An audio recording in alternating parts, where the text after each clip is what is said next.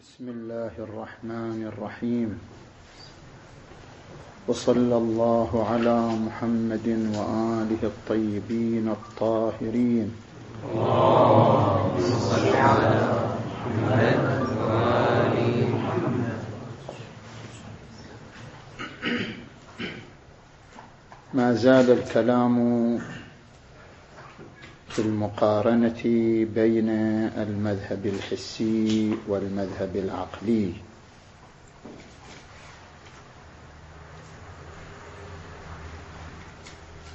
وبما أن ديفيد هيوم هو قمة المذهب الحسي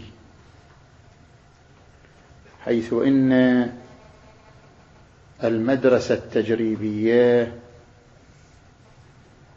منذ فرانسيس بيكون وجون لوك وباركلي انتهت إلى ديفيد هيوم هو الذي شيد مباني هذه المدرسة وهو الذي أصل أفكارها بحيث تولدت مدرسة فلسفية يعبر عنها بالمدرسة الحسية أو التجريبية. ولذلك ذكر زكي نجيب محمود في كتابه ديفيد هيوم أن هيوم يعتبر أبا لحركة فلسفية نعاصرها وتعاصرنا وهي الحركة المسماة بالفلسفة الوضعية المنطقية. لأجل ذلك نحن نركز في مناقشة المذهب الحسي على ما طرحه هيوم. ونتعرض هنا لعدة نقاط ركز عليها في تشييد وتأصيل المدرسة الحسية. النقطة الأولى رفض المبادئ الفطرية حيث يعتقد المذهب العقلي أن هناك مبادئ قبلية أي سابقة على التجربة يعبر عنها بالمبادئ الفطرية. مبدأ الهوية مبدأ امتناع اجتماع النقيضين مبدأ السببية أن لكل مسبب سببا. هذه المبادئ التي يراها المذهب العقلي أنها مبادئ فطرية مغروسة في فطرة الإنسان يرفضها المذهب الحسي. لماذا يرفضها المذهب الحسي؟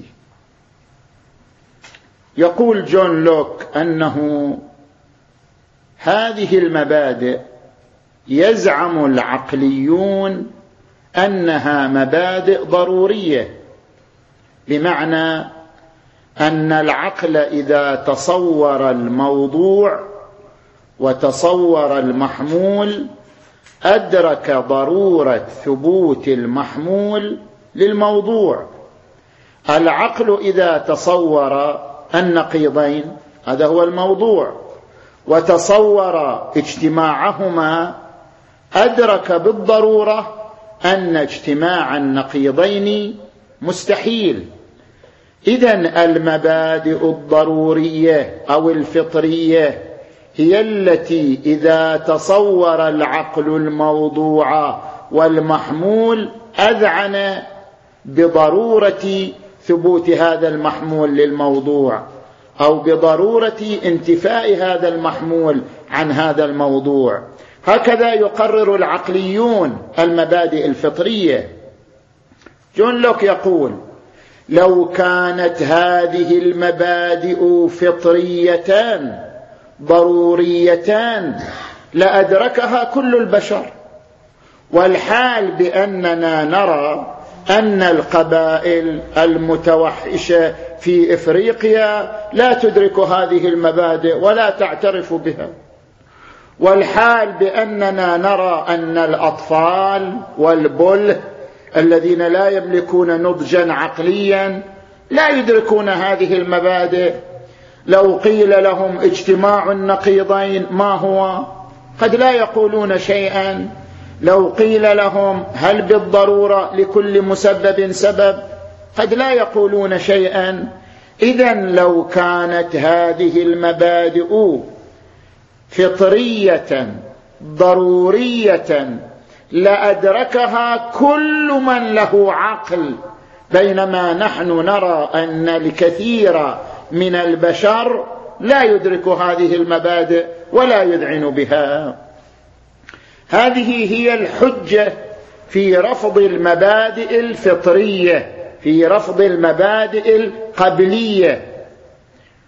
ولكن ليس المقصود بكون هذه المبادئ فطرية أنها غريزة لدى الإنسان.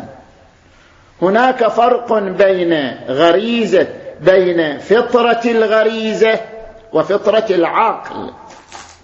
فطرة الغريزة أي أن هناك غريزة كامنة في الإنسان بالفطرة كغريزة الخوف كغريزة الحب. الإنسان يخاف مما يهدد حياته ويحب ما يبقي حياته. هاتان غريزتان غريزتان فطريتان. أما فطرة العاقل بمعنى عندما نقول أن هذا المبدأ فطري يعني أن العقل لو خلي وحده لأدركه. هذا معنى أن هذه المبادئ فطرية. أي بفطرة العاقل. العقل لو خلي وحده أدرك هذه المبادئ. لا يحتاج إلى تلقين عاطفي أو تلقين بيئي. العقل وحده يدرك هذه المبادئ. ومعنى أن هذه المبادئ ضرورية. هي فطرية بمعنى فطرة العقل. هي ضرورية لا بمعنى أن الضروره مرتسمه بالفعل. بمعنى أن كل إنسان يولد يجد في فطرته بالفعل استحالة اجتماع النقيضين. أو يجد بفطرته بالفعل أن لكل مسبب سبب. لا. ليس المقصود بالضرورية هو هذا أنها مرتسمة بالفعل في عقل الإنسان. وإنما المقصود بذلك أنها كامنة فيه بالقوة وإن لم تكن مرتسمة بالفعل بمعنى لو حصل منبه حسي تصدق بها الإنسان. الإنسان لا يحتاج إلى أن يؤمن بهذه المبادئ إلى دليل وإلى برهان. يكفي أن يقوم منبه حسي فيؤمن بهذه المبادئ. مثلا لو عرض على الطفل هذا الطفل الصغير ابن سنتين ابن ثلاث الذي بدأ يفكر لو عرض على هذا الطفل جسمان قيل له هذا كأس وهذا جهاز هل هذا هو هذا؟ يقول لا. هذا معنى إيمانه بمبدأ الهوية أن كل شيء هو هو وما ليس هو فليس هو. الإيمان بمبدأ الهوية إيمان فطري لا يحتاج فقط إلا إلى منبه حسي أن يقال هذا هذا. قل لا هذا كاس هذا جهاز هذا ليس هذا. لو قيل له طيب هذا وهذا هما واحد نقول لا لا يجتمعان. لأن لهذا ميزة ولهذا ميزة فلا يمكن أن يجتمعا. إيمان الذهن وإذعان العقل بمبدأ الهوية أو بامتناع اجتماع الضدين أو النقيضين فقط يحتاج إلى منبه حسي.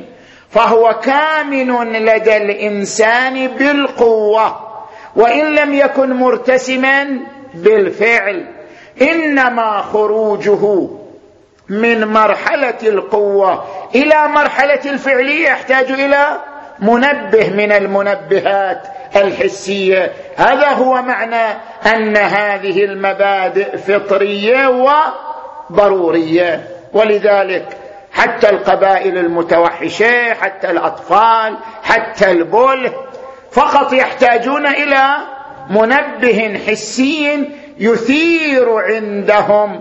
اذعان العقل وإدراك العقل ادراكا حتميا أن هذه المبادئ ثابتة ولا إشكال فيها. هذه هي النقطة الأولى في مناقشة ما ذكره هيوم وجون لوك نجي إلى النقطة الثانية. هيوم قسم الصور الموجودة في الذهن إلى انطباعات وأفكار.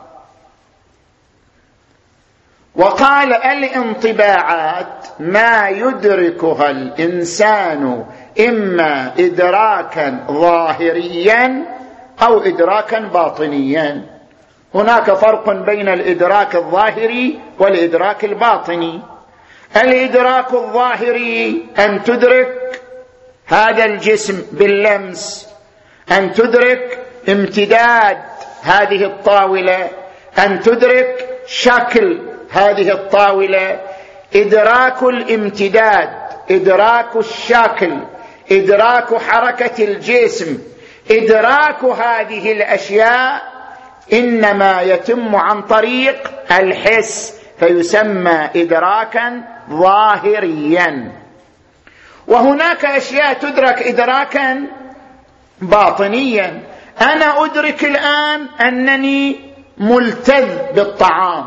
أنا أدرك الآن أنني متألم من مثلا إساءة فلان. أنا أدرك الآن أن في قلبي قلقا. أنا أدرك الآن أن في قلبي اطمئنانا. هذه أشياء باطنية أدركها بوجداني. هذا يسمى إدراك باطني. جميع الصور التي تصل إلى الإنسان عبر الإدراك الظاهري أو عبر الإدراك الباطني يعبر عنها بالانطباعات. وأما القسم الثاني وهو الأفكار. الأفكار هي نفس الانطباعات لكن إذا اختزنت يعني بقيت في النفس. غاية ما في الأمر أن هذه الصورة تارة تختزن بشكل قوي لا ينمحي. صورة أمي لا تنمحي من ذهني. اذا هذه الصورة تسمى فكرة. هي في الأصل انطباع لكن بعد اختزانها بشكل قوي في الذاكرة أصبحت فكرة. وقد تكون الصورة منطبعة لكن لا بشكل قوي بشكل متزلزل. كما لو رأيت صورة إنسان في الشارع بقيت هذه الصورة بشكل خافت في ذهني لا بشكل قوي. هذه الصورة المنطبعة أيضا فكرة لكنها في وعاء الخيال لا في وعاء الذاكرة. كل ما هو مختزن برسوخ فهو في وعاء الذاكرة. وهو وما هو مختزن بتزلزل فهو في وعاء الخيال. الفكرة هي الانطباعات لكن لا بشكل ثابت. عفوا هي الانطباعات لكن انطباعات ثابتة انطباعات مختزنة. بعد أن قسم الصور إلى انطباعات وأفكار هو يريد أن يصل إلى شيء من هذا التقسيم. هو يريد أن يقول كل فكرة لا ترجع إلى انطباعات إما انطباعات ظاهرية أو انطباعات باطنية فهذه الفكرة وهم لا أساس لها.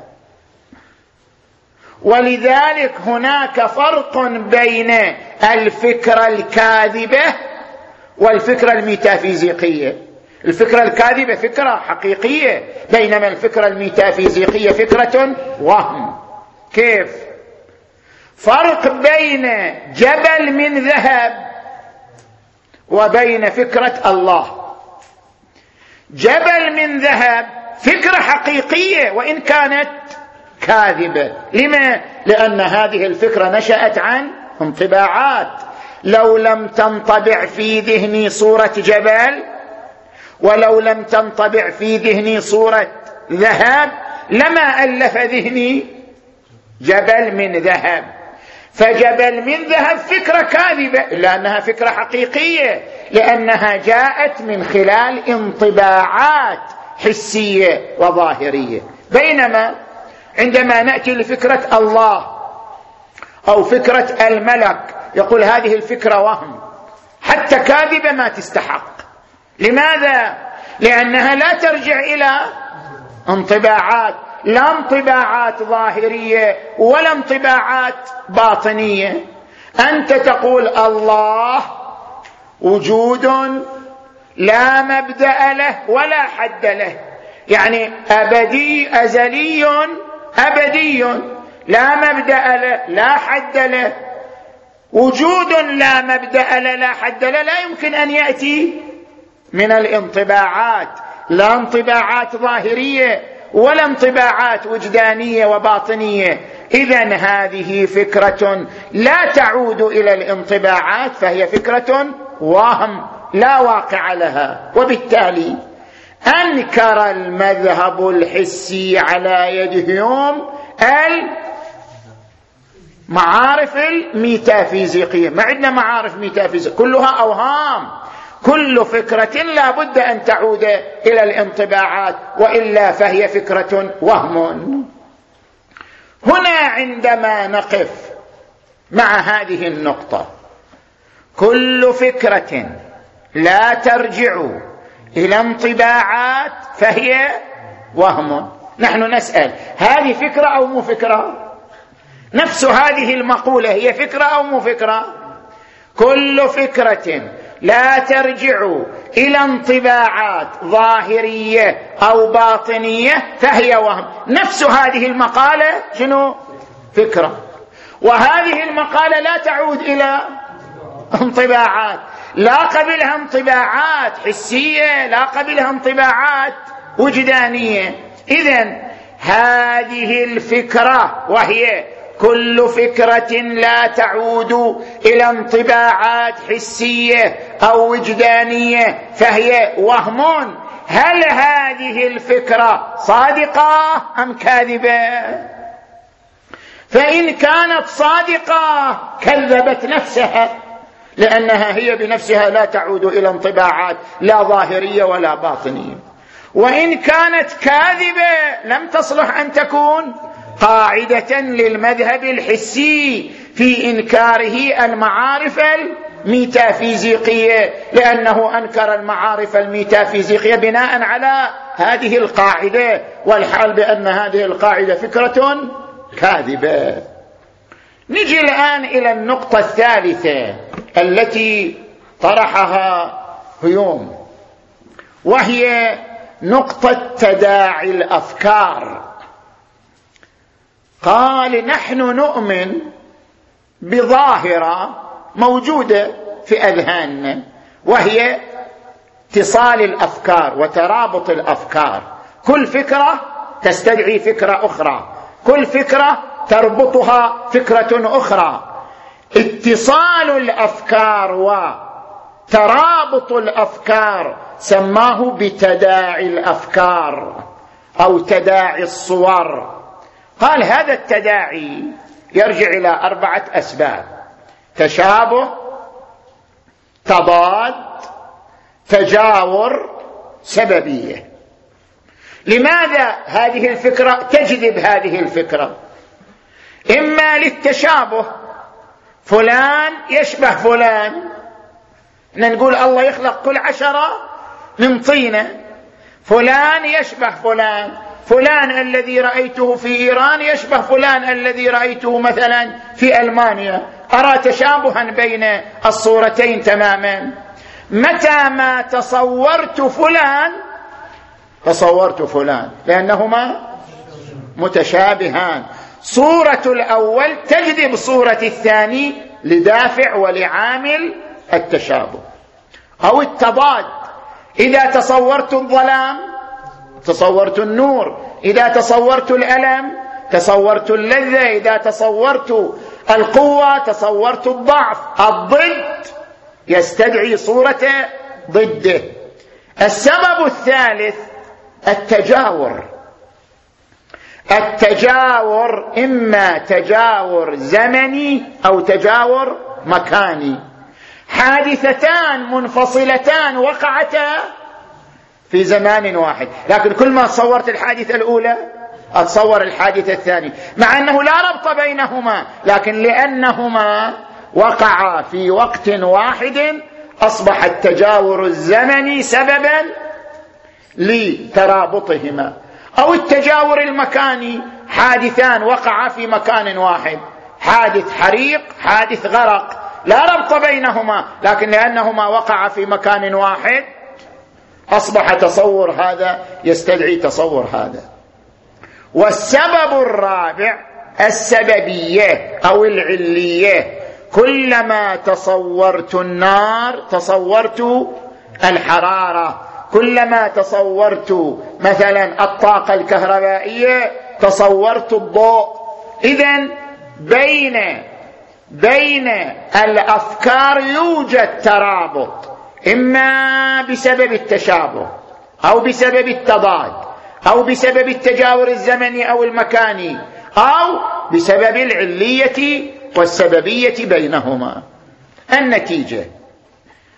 هو يريد أيضا يصل إلى نتيجة من هذا الكلام وهو أنه إدراك الأشياء الواقعية ليس عن طريق العقل. عن طريق الخيال والذاكرة. كيف؟ قال الآن نركز على المثال الذي هو ركز عليه. قال أنا كيف أدرك البرتقاله كيف؟ كيف أدرك أن هنا برتقاله كيف؟ بالعقل يعني؟ لو لا باجتماع الانطباعات الواردة عن إدراك ظاهري أو إدراك باطني. يقول لا العقل ما إلى دور. لماذا؟ لأنني أدرك اولا اللون هذا انطباع. ثم أدرك ثانيا مثلا الرائحة هذا انطباع آخر. ثم أدرك ثالثا الطعم هذا انطباع ثالث. ثم أدرك مثلا الصلابة بلمسي هذا انطباع رابع. هذه الانطباعات. إذا تتابعت في الذهن بحكم التجاور. الزمني والمكاني أدركت أن هناك برتقالة. فإدراكي للبرتقالة جاء بسبب تداعي الأفكار مو لأن هناك عقلا يدرك لا. ليس هناك عقل يدرك حتى نقرر المذهب العقلي. لا.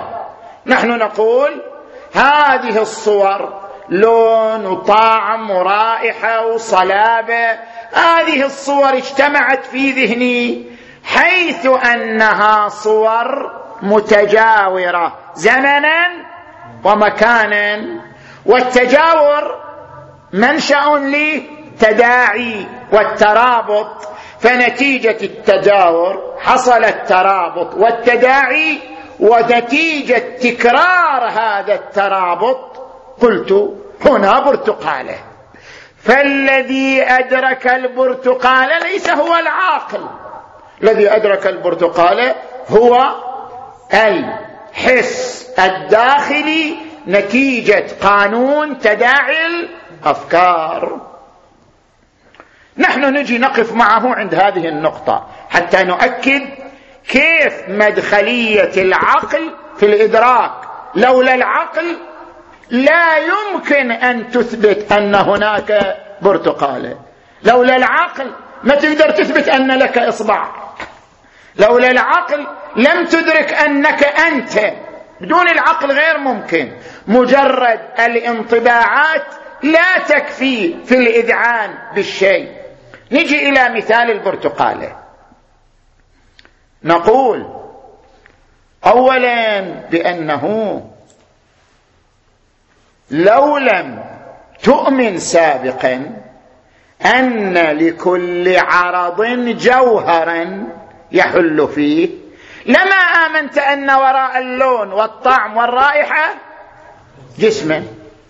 كيف تؤمن بذلك؟ ما الذي يقودك إلى أن تقول هناك شيء؟ إذا كنت لا تؤمن مسبقا أن هناك صفة وموصوف. ولا يمكن أن توجد الصفة إلا بوجود الموصوف لأن وجود الصفة وجود غيري وجود الموصوف وجود نفسي. ما لم تؤمن بهذه المفاهيم العقلية القبلية لا يمكنك أن تقود إلى أن هناك شيء. لا ماكو شيء. هناك لون بس. هناك طعم فقط. هناك رائحة فقط. هناك صلابة فقط. بس ليس وراء هذه الأشياء شيء. ما الذي يلزمك أن تقول لا وراءها شيء؟ لماذا؟ لأنك تؤمن مسبقا بمعرفة عقلية قبلية أن الصفه يعني التي لا يكون وجودها وجودا. نفسيا تحتاج إلى محل تحتاج إلى معروض جوهر تعرض عليه. اذا لا بد من الإيمان بهذا المبدأ القبلي في رتبة سابقة كي يقودك الذهن إلى القول بأن هناك شيء. هذا اولا. ثانيا بأنه لماذا هذا اللون والطعم والرائحة خير إن شاء الله متجاورين قد تتجاور الألوان ولا يكون وراءها شيء واحد. قد تتجاور الروائح ولا يكون وراءها يكون وراءها أشياء وليس شيئا واحد. التجاور وحده لا يكفي في الوصول إلى أن هناك شنو؟ شيئا واحدا. كثير من الألوان تتجاور كثير من الطعوم تتجاور كثير من الروائح تتجاور كثير من الصلابات تتجاور لكن وراءها أشياء وليس شيئا واحد.